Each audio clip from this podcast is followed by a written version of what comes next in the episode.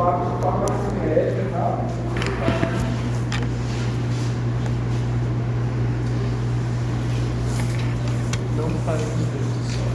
que que é? Anota tudo. Tem aí, amigo? Isso aí, por favor. Anota os pontos. que eu Tô precisada. Começa aí com a nossa aula, a parte de farmacocinética é uma parte muito, muito extensa, tá? A aula de hoje não vai dar para ver todos os fármacos da farmacocinética, são só para a gente lembrar aí. Qual que é a diferença de farmacocinética para farmacocinética? É, esse daí é o corpo sobre o fármaco, o outro vai ser o, o fármaco dinâmico vai ser o fármaco sobre o Quem corpo. é quem? Quem é quem? Farmacodinâmico é o fármaco sobre o corpo, farmacocinético é o corpo sobre o fármaco. E farmacodinâmico é o princípio ativo. Mecanismo de ação. Vê o quê? Mecanismo de ação. Biotransformação, absorção, distribuição, excreção. Exatamente. O corpo vai fazendo aí, ó, com o fármaco. Certo? No caso, nós temos aí que está aqui a absorção, distribuição, transformação e a excreção dos fármacos. Tá? Esse biotransformação é um tipo de farmacologia, vocês podem ver como um subtópico chamado de metabolismo. Tá? E aqui a excreção realmente é a excreção dos fármacos, é a eliminação ou excreção dos fármacos. Então ele tem uma sigla chamada de ADME, tá? A, D, M, para esse biotransformação é sinônimo de metabolismo, que é de eliminação ou excreção desses fármacos. Beleza? Na aula de hoje a gente vai ver a absorção e a distribuição desses fármacos. Por que é importante estudar separadamente cada tópico desse? Porque nesses tópicos, cada tópico desse vai trazer esse conceito geral. A gente vai entender na farmacocinética quais são as vias de administração dos fármacos, isso influencia ativamente na forma que a gente vai ter farmacêutica, no metabolismo, no melhor efeito, na potência do fármaco, na eficácia daquele fármaco, biodisponibilidade e o metabolismo e a que serão os tópicos abordados nessas duas aulas de farmacocinética, na aula de hoje e na aula seguinte. Aqui a gente traz a farmacologia os aspectos bioquímicos e fisiológicos dos efeitos dos fármacos. Mais uma vez eu vou para vocês. A farmacologia sem a bioquímica ela é manca. E sem a fisiologia ela é cega. Por isso que a gente precisa sempre de conceitos bioquímicos e fisiológicos para poder entender a farmacologia. Ela é dividida em duas áreas principais, recapitulando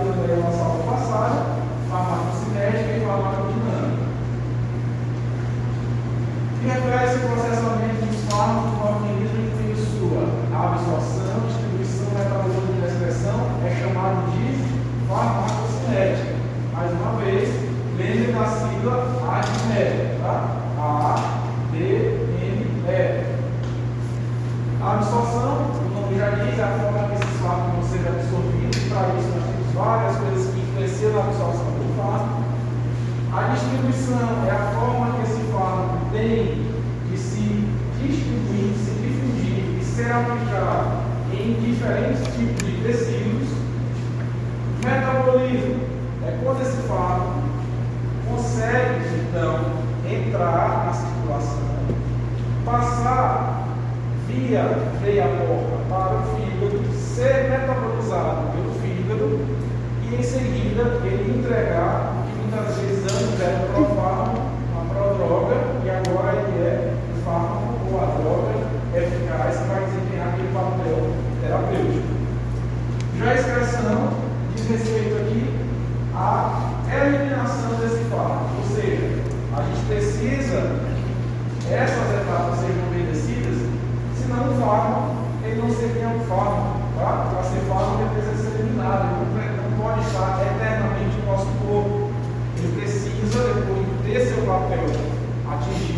Sua função desempenhada, ser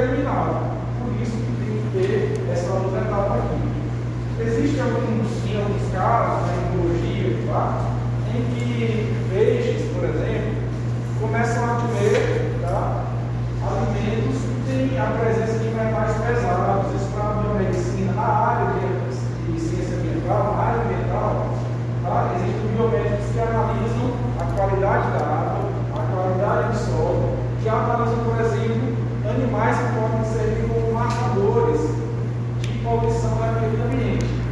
Os peixes, por exemplo, existem alguns metais que eles acabam ingerindo na sua alimentação. Por ser solo contaminado, a água contaminada com metais pesados, por exemplo, chumbo.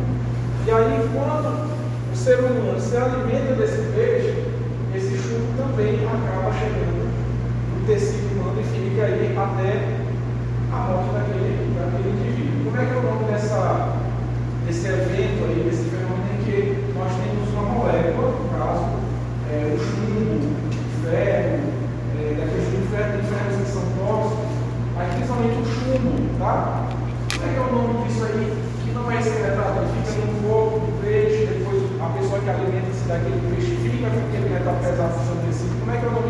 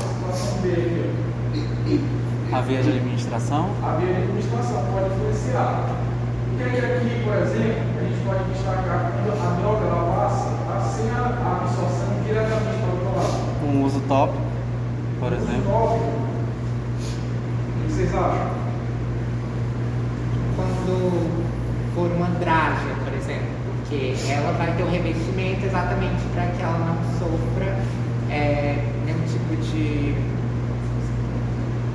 É, exatamente, absorção. Só naquele local. No caso, por exemplo, se tiver uma gastro. Ela está puxando, eu sei, eu sei o que quer dizer. Gastro resistente, se ela for gastro resistente. Ela vai resistir ao, ao ácido, por exemplo, do, Porém, uma hora vai ser absorvida. É. Ela vai resistir ao ar, mas uma hora vai ser absorvida. Então ela não entra aqui. Ela é aqui. Ah, Porque ela vai ser absorvida. A tecnologia farmacêutica da drágia, ela existe para ela resistir a um ambiente que não é para ser entregue naquela hora, só que a natureza dela, se não tivesse esse revestimento, seria entregue naquela hora. E o ideal é que não seja naquela hora. E a drágia vai postergar essa entrega para entregar no lugar certo, que vai ser mais absorvido. Porém, Aquela reação do Aqui estômago. é outro momento. Professor, aí no caso sobre esse achar aquelas esses mundos tem uns que eles têm é, tamanho para influenciar né, na absorção. Aí tem uns medicamentos que são essa molécula que é maior e ela consegue passar para a membrana. Aí alguns são administrados diretamente no local para que ela funcione ali, ao invés de passar por todo o processo de absorção, Exatamente. líquido. Eu, eu, Sublingual. é algo, se não é alface, tem o nome de uma molécula que é bem grande, que era algo presente. Lembra não, Manuel? Sobre o olfato? Não, deixa eu ver aqui, eu não tenho Beleza. Quando ela vai procurando ali, esqueci do nome. Daniel. Daniel, quando ela vai procurando ali, a gente já tem ó, a administração sem absorção. Não é o caso de um uso tópico. Sublingual seria. A sublingual. Sublingual seria.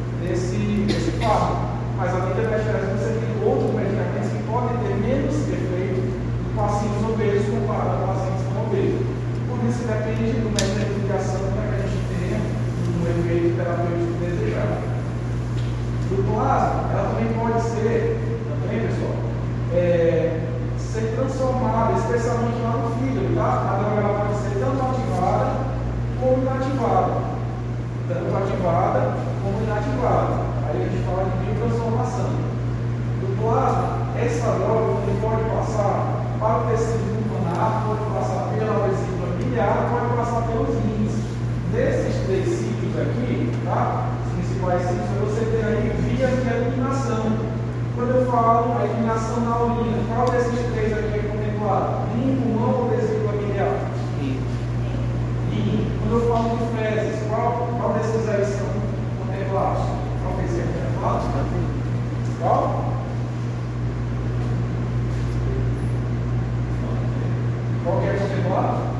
gestório desses aí seria B? A princípio é ideal. Vamos lá. Lembrando fisiologia do o que a princípio do BA faz?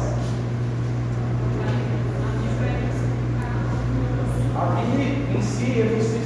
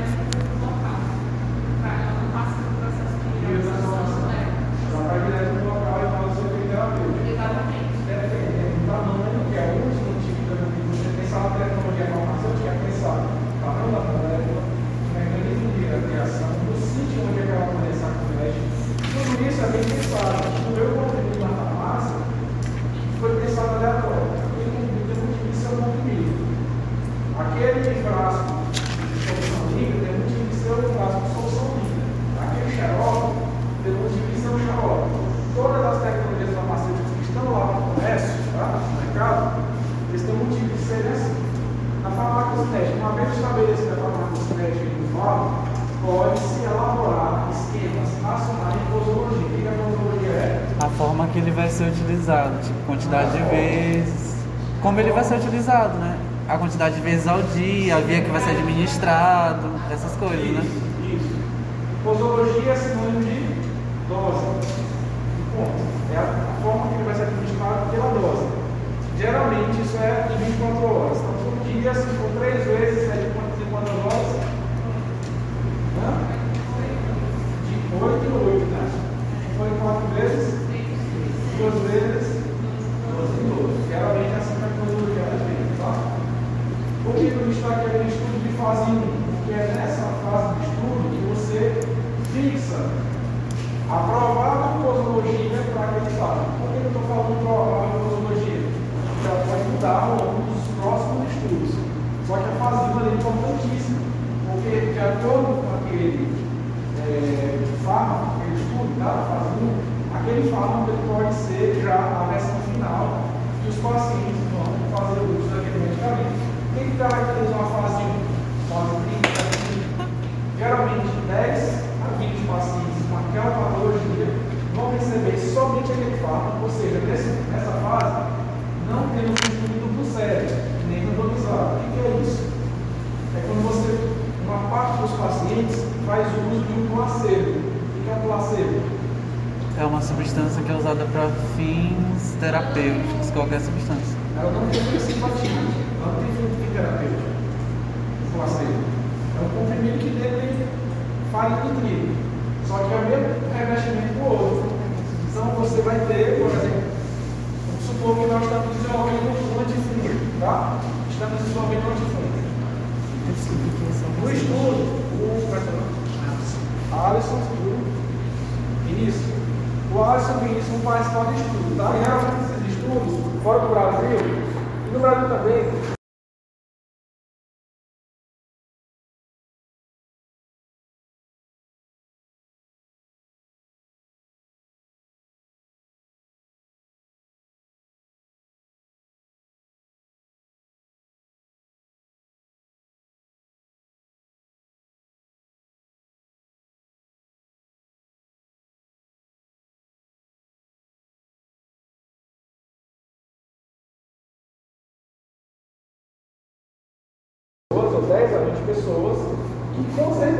com diagnóstico uma micose dos pés. Alguma coisa que caracteriza. O que caracteriza?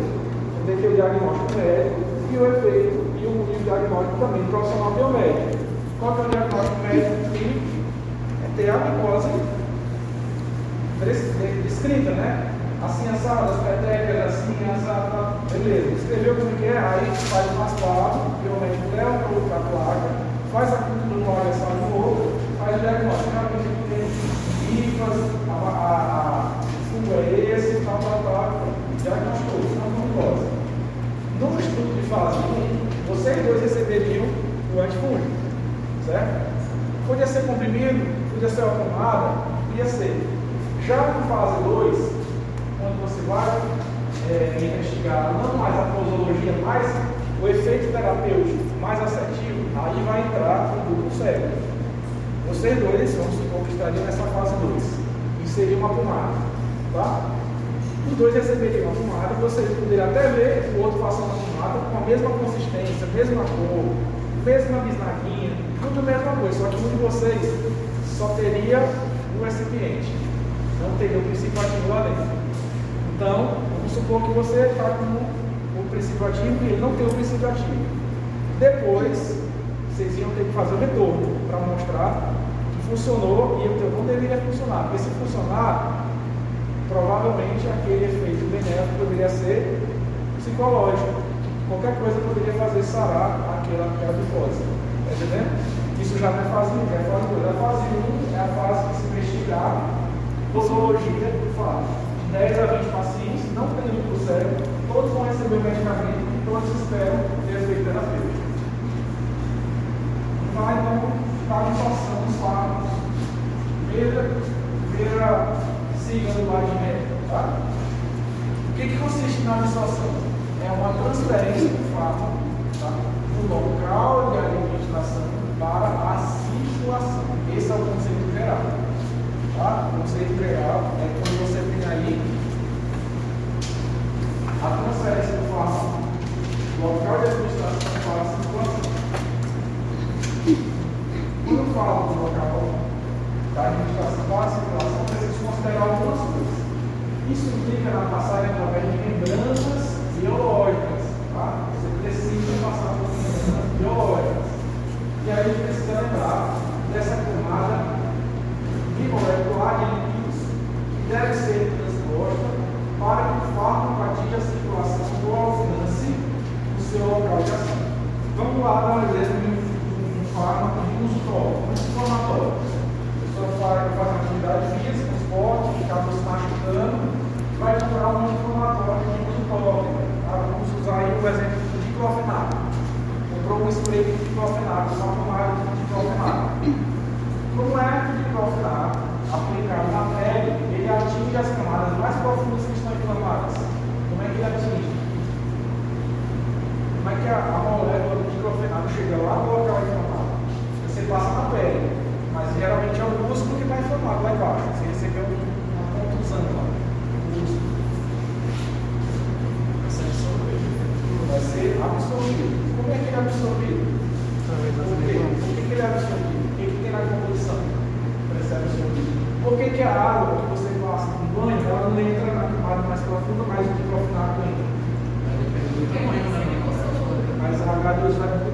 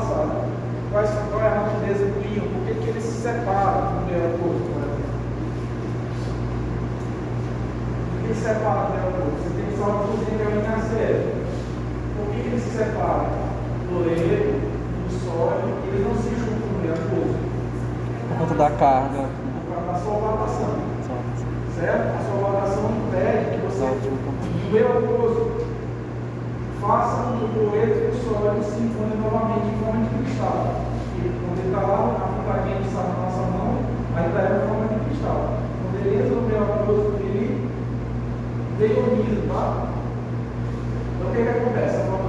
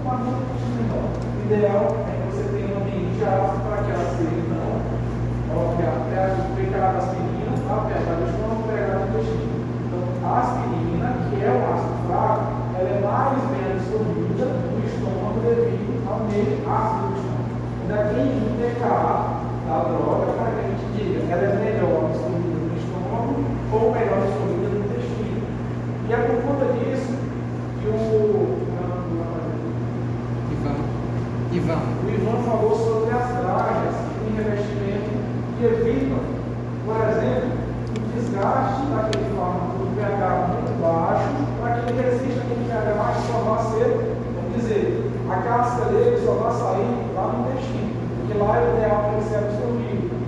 Certo? Então, a tecnologia farmacêutica não existe para cá. Uma draga revestida para resistir ao ácido e o tempo certo para resistir ao ácido é justamente feita baseado nesses, nesses dados que a gente tem sobre o fármaco e sobre o pH ideal da absorção daquele fármaco. Por exemplo, já escrito na literatura que alguns antifúngicos, tá? Eles são administrados no paciente via oral e aparentemente aquele paciente tem uma resistência àquele antifúngico, o que na verdade não é uma resistência. Às vezes troca de troca o, o antifúngico é trocado ou a dose é aumentada e ainda persiste na não resolução daquele, daquele, daquela patologia derivada daquele fungo. Qual que é o grande, qual foi o grande achado por acaso na literatura? O medicamento é para ser tomado com água. Comprimido ser tomado com água. Certo? O seu marido pode tomar com suco? Não pode. O seu marido é sem açúcar? Não pode. Suco de limão? Não pode. Refrigerante? Não pode. Chá? Café? Pode. Ser com água, tá? Só que por acaso, o paciente estava aparentemente com uma resistência ao antifúngico, tá? A por exemplo, que é um, um exemplo de medicamento que tem um pH ideal, tem um pH ácido para poder ser ionizado. Tá? Então acontece que o paciente, porventura, tomou ele com refrigerante sabor cola. Tá? Qualquer um que vocês imaginem aí, pode ser. E o tratamento dele foi incrivelmente melhorado. O que esse paciente tinha? Por que, que melhorou? Porque ele tomou refrigerante sabor cola. Porque o era, era básico, ele tinha um organismo básico e, e ela entrou com acidez teve. Então, quando ele dizer básico, é um termo muito, muito exagerado para um estômago. Tinha uma basicidade maior. Não, ele tinha um pH fracamente ácido. Tá? A liberação era fracamente ácido. Sim. Ninguém tem, a gente diz na literatura, um pH acima de 7 no estômago. Fisiologicamente não é, não é normal. Sim. Mas ele tinha um pH fracamente ácido. Tá? Aí por que tomava o medicamento? Não. Ele tinha um fenômeno chamado de acloridria, que é parcialmente uma deficiência na produção de prótons H+, lá no estômago, de ácido clorídrico. Então, da vez que fala de acloridria, a gente vai ver depois na farmacologia do PGI.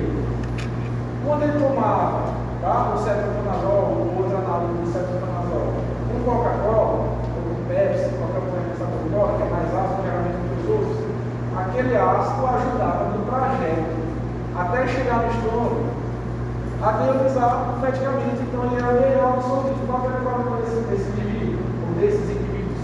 Eles não tinham um pH ideal para que o fármaco fosse, então, neuralizado lá, fosse aí bem absorvido no meio ácido, porque ele tinha fluoridria. Então, por acaso,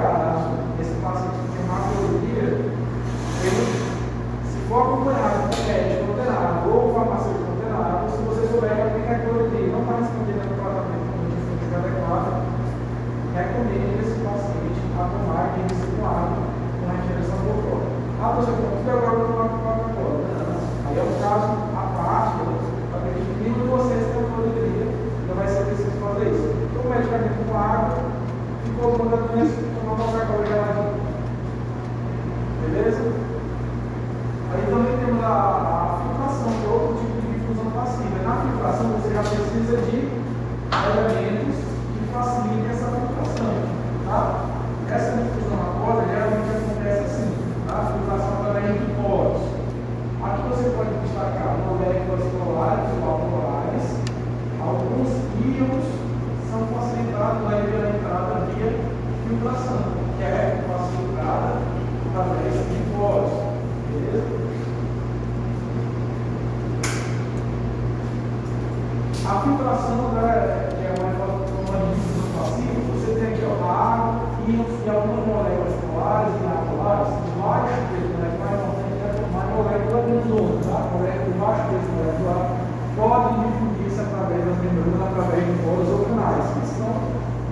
estruturas aí na parede é, de capilares, membrana glomerular. Onde é que fica a membrana glomerular? Sim, né? O que é um glomérulo no rim? Vai fora desse glomérulo, lá no rim. O que faz o glomérulo? Hã? Faz a circulação. Tá? Então você tem aí a forma de fazer filtrações lá na membrana glomerular. Isso é importante por quê? Por que que isso é importante? Porque senão toda molécula poderia passar e a gente não teria essa barreira de proteção. Filtrar, filtrar e proteger. passaria muita coisa se nós não tivéssemos selecion- eh, selecionado as membranas facilitadoras da passagem de substâncias. Só para vocês terem noção, lá no filtrado glomerular, a pressão é tão grande, tá? mas tão grande que mesmo sendo muito grande a pressão, vai de mercúrio, nós não temos a passagem fisiologicamente falando. Tá? Se tiver funcionando o mercúrio, né, vai passar uma célula não se passa nenhuma massazinha, nem apertadinha no filtrado da membrana glomerular. Por quê? Porque se estiver passando é massa,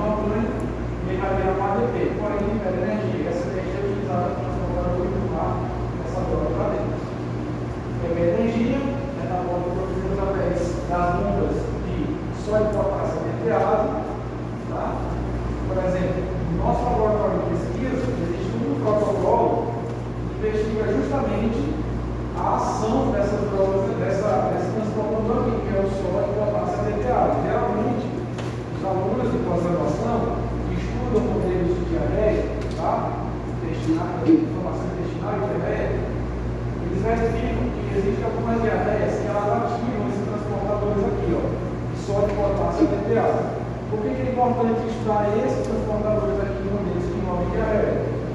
Porque quando existe um processo diarreico que é secretório, tá? secreta líquidos, água, diureia, que a pessoa perde inundada nas fezes, essa bomba de sódio, potássio e DTA está ativa, ativa bocadinhos de folheto no meio, indo para Saruá,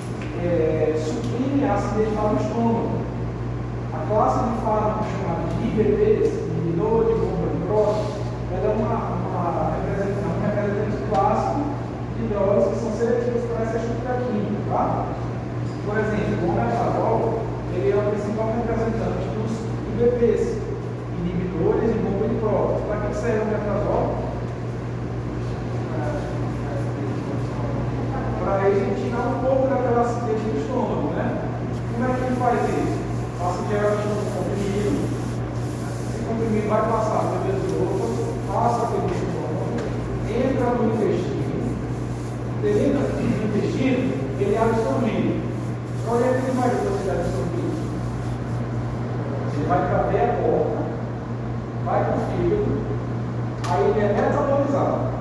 Depois de ser metabolizado, ele vai procurar o sítio de dele, vai procurar uma bomba de prótons específica, que é lá na célula parietal do estômago.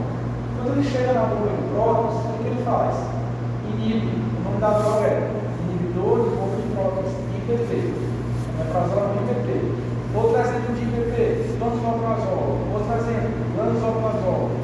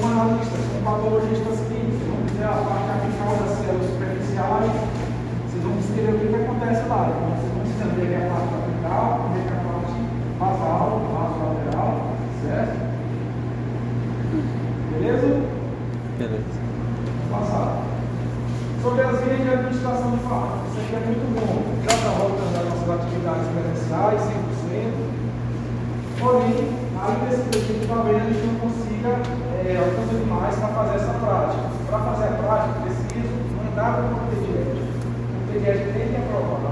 Depois de aprovar, tem que mandar para a proposta. Da proposta, entra no cadastro. No cadastro, eu vou pedir os animais que eu não sei quando ele pode chegar. Então, fazer todo esse trâmite é, não é garantido que ainda esse período a gente consiga esses animais. Mas eu vou tentar fazer alguma coisa ao longo do nosso período, quando tiver um experimento no laboratório, que a gente puder dividir a, a turma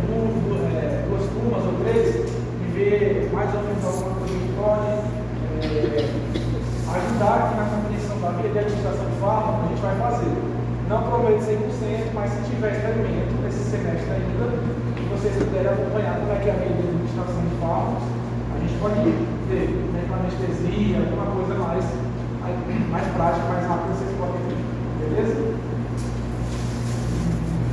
Por que é importante estudar as linhas de administração dos fármacos? Tá? São colocadas nesse esse fármaco mais ser. A via de administração é diferente de local de absorção. Vamos lá de novo, eu Engenharia da administração é diferente de outra administração. Por que, professor? Não é a mesma coisa, não? Não. Às vezes você pode pegar um comprimido, colocar ele administrando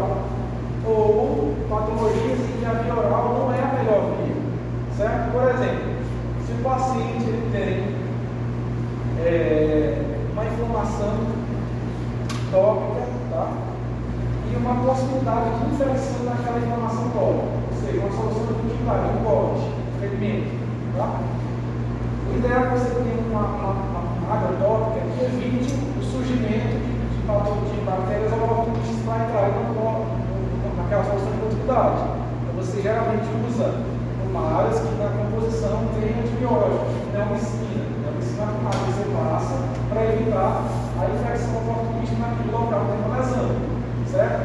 Por exemplo, o paciente tem uma hemorroida. Qual que é o ideal? Você dá um colírio para ele ou um supositório? Supositório. Tá? Se o paciente tem uma colite ulcerativa e está hospitalizado. E pode ser, na hospitalização desse paciente, pode receber a administração de um enema. O que é um enema? É, é via retal. Você administra direto quando tendo a colite ulcerativa. Está ulcerado, está ferido o colo daquele paciente. O que, que você vai esperar? Ele vai tomar uma mesalazina via oral ou se ele tiver a possibilidade de usar a mesalazina via enema. Qual que será o melhor? Melhor via enema. Ele vai direto no local de ação causando aquele efeito terapêutico. Tá? o paciente está com glaucoma, que é a hipertensão ocular. O ideal é que ele passe um creme na pele ou que ele use um colírio. colírio. O paciente está com uma pitiníase intesicol no couro cabeludo, tá? uma, uma doença é, fúngica no couro cabeludo, o ideal é que ele tome um medicamento via oral ou que ele passe topicamente aqui no couro cabeludo. As duas coisas, mas ajuda bastante ao uso tópico daquele medicamento antifúngico para atingir diretamente a folículo piloso do paciente e tentar viabilizar o crescimento daquele fungo. Beleza? Então, é, maximizar a concentração de ação mobilizar outros é, efeitos locais, né? Via tópica, por exemplo, que é o lance da anti-inflamatória tópica. Se você tem uma contusão no músculo no vasto lateral, na lombar, você pode usar um fármaco tópico você vai entregar naquele, naquele sítio de, lesão já um anti-inflamatório direto no local. E você tomar via tópica, passar pelo estômago, passar pelo intestino fino, metabolizar. Imagina você sentir essa dor lá aí várias vezes ao longo da semana, ao longo do mês. Você pode desenvolver uma úlcera gástrica tanto tomar anti-inflamatório via tópica, via, via oral, e pode utilizar esse efeito gástrico um fármaco tópico, uma pomada, um spray, um efeito tópico, beleza? Prolongar também a administração do fármaco. Você tem, por exemplo, o uso de PECs, tá? via transdérmica, para ter um efeito de absorção mais prolongado via essa, é, através dessa via transdérmica. Ou evitar o efeito de primeira passagem. O que é esse efeito de primeira passagem? É quando você evita ele passar pelo fígado para ser metabolizado, entregar o fármaco lá na veia cava do corpo todo. Para isso, você usa essa via que é a via lateral mais utilizada na clínica, que é a via intravenosa. Quando você usa a via intravenosa, você evita o efeito de primeira passagem. Pergunta que eu faço para vocês: quem tem melhor absorção? Via tópica, via oral ou a via intravenosa? Quem tem a menor tinha melhor absorção. A via intravenosa ou a via oral? Tinha melhor absorção. Via intravenosa ou via oral? A oral vai ter a absorção, a intravenosa a gente, a gente não vai ter esse processo. Exatamente. É uma pegadinha que eu vou fazer com vocês, tá? Tá. E a intravenosa não tem absorção. Por quê?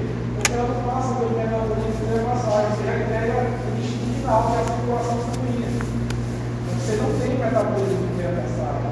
Você já entrega na conhecimento, você está gravando sangue periférico. Quando você dá pela via oral, passa pelos outros estômago, guardeiro, veja absorve, veia porta, fígado, fígado via carne interior, coração, distribui no corpo, vai colocar o tecido terapêutico. Certo? Nesse caso, a gente não tem absorção na via intravenosa.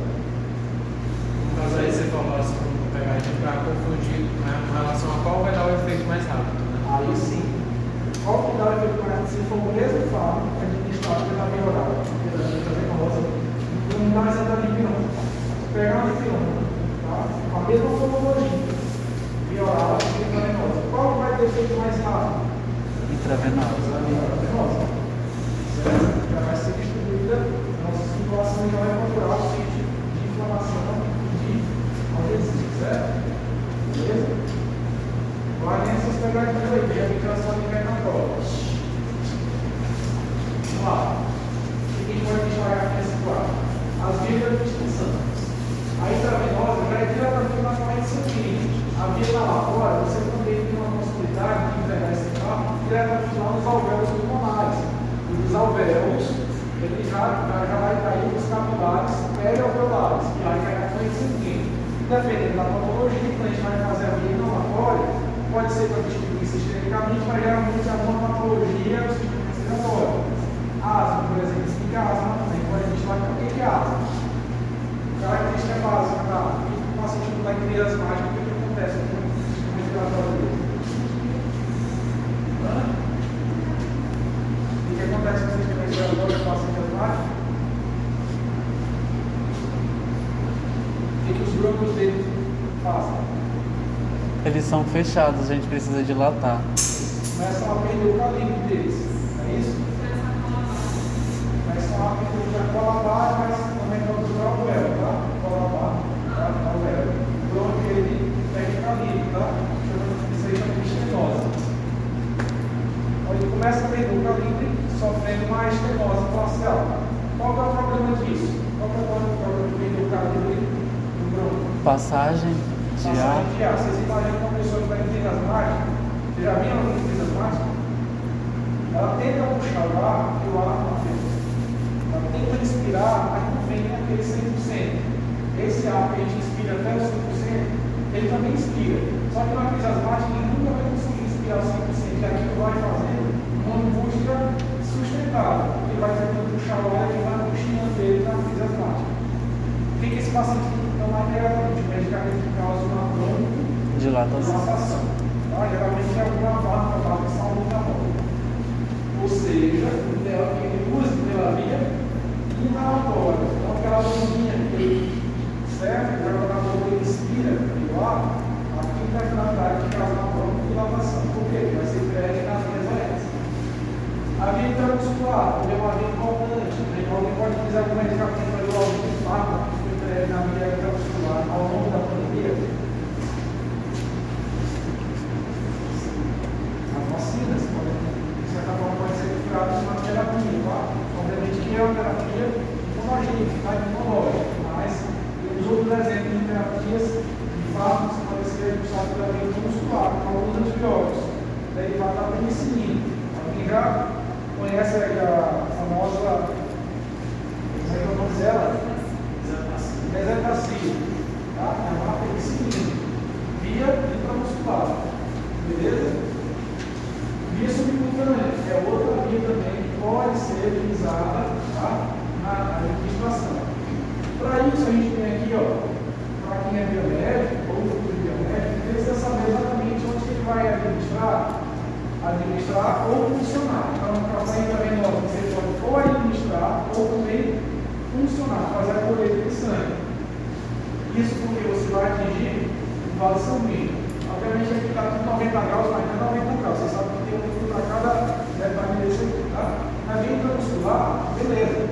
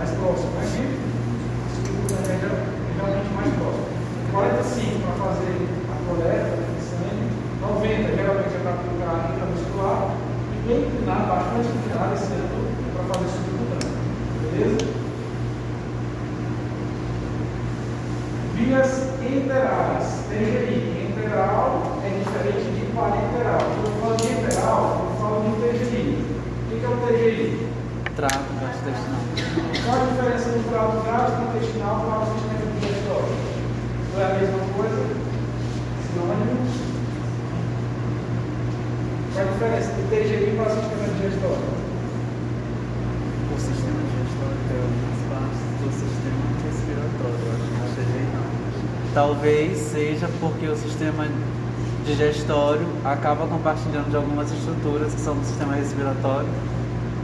Não. A por exemplo, é feita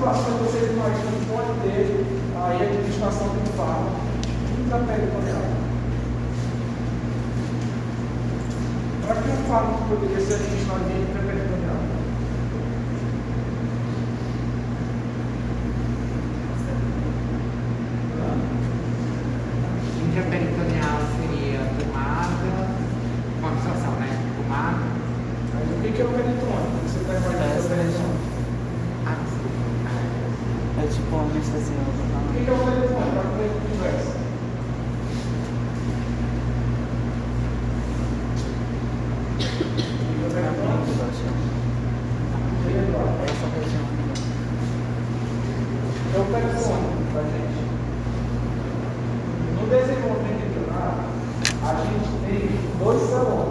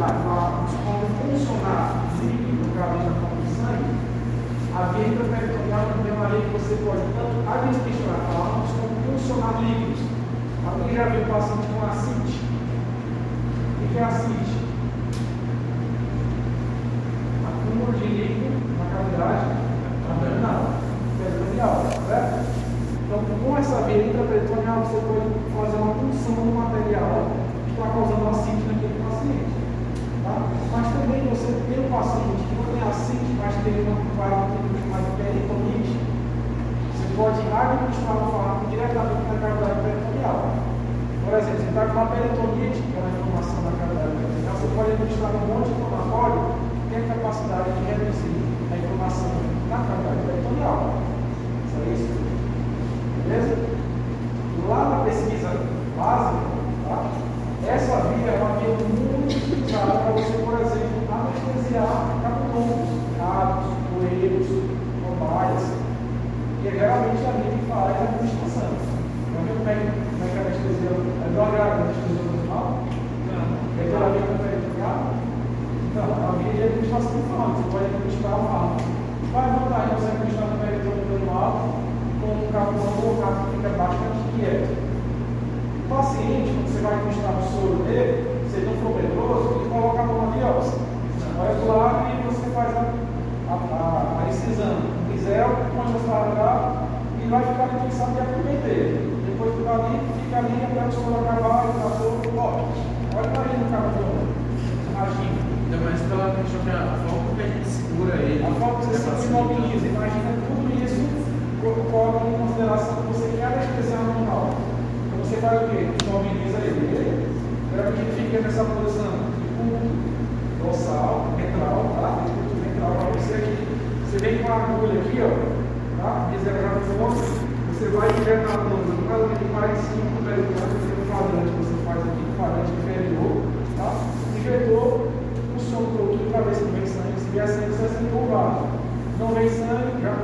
Jacques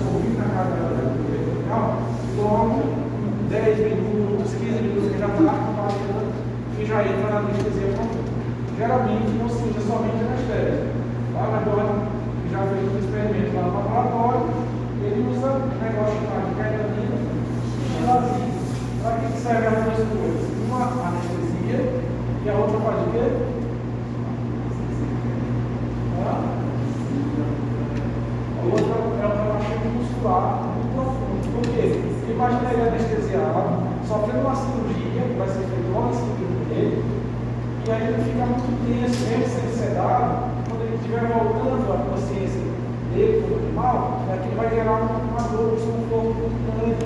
Então o que você faz? Além de sedar, você dá um relaxamento muscular, ele fica bem calmo, tá? para o procedimento cirúrgico acontecer de forma bem sucedida. E depois, tá? quando é dependendo do modelo, se for agudo, a gente geralmente faz um pós-operatório Mas se for um modelo crônico, pós-operatório, a gente ainda utiliza um analgésico potente, geralmente a gente usa o tramadol, que é um analgésico que vai ali fazer efeito ele não sentir dor, caso ele não sentir dor, que a gente vai ser na vias, nas vias, tá? Bilaterais sem absorção. A gente está falando que aqui? Intravenosa, intraarterial e peridural. Vamos lá. Intravenosa é dentro da intraarterial é dentro da e a peridural é dentro de onde? Da medula. No que? Óssea? A medula óssea? No que é essa medula? Medula? Espinal. Tá? Se eu perguntar para você dentro do vaso, essa linha para fazer uma função ou a injeção de falo pela via intravenosa, qual vaso você escolheria? Qual? Qual é o nome dele? Cubital. Você fala? É cubital. Cubital, né? Não? Olha a outra, qual é? Qual é? Cubital. Já falaram para que ela é muito boa de fazer a coleta do paciente. Vocês já fizeram cubital. essa prática de colaboração um do outro, já? Já? E aí, vocês escolheram qual? Braquial? Qual foi? Cubital. Qual? Cubital. Ah, vertical. Cubital. Outra vez que você pode escolher, tá? Aí tem outras que a gente pode destacar. Isso é no braço. Se eu, se eu quiser, por exemplo, é, agora na artéria, tá? Qual é a melhor artéria tá, no braço da gente que a gente pode escolher para fazer essa coleta do sangue arterial? Coleta ou então injeção de algum fármaco, tá? E aí? Por que, que é importante funcionar sangue da artéria? Acho que é que é? Fazer movimento, o que que é? Da artéria.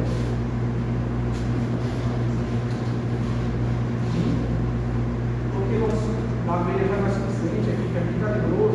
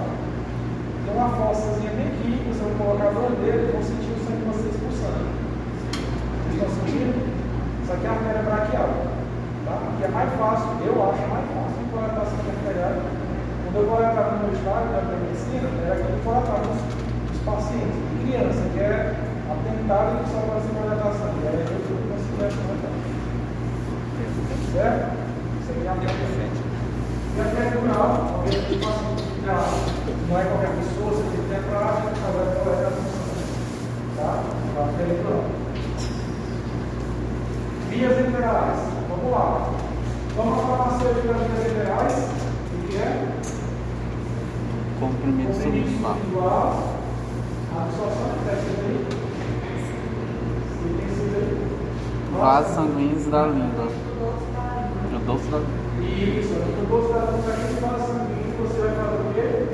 Sublingual, colocar o produto debaixo da língua. Ela evita a passagem do fígado, tá? Porque esse efeito de primeira passagem. Então é uma exceção na via. É entérico, tá?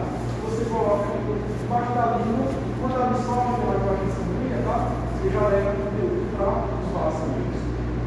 Evita também assuntos de gástrico, e a absorção é muito rápida para substâncias do quê? Lipossolúveis. Não são lipossolúveis. Elas conseguem atravessar a membrana facilmente. Qual a desvantagem? Tem pouca disponibilidade farmacêutica, tá? poucos medicamentos na farmácia são vendidos na formulação individual. Ela é imprópria para substâncias irritantes e de sabor desagradável.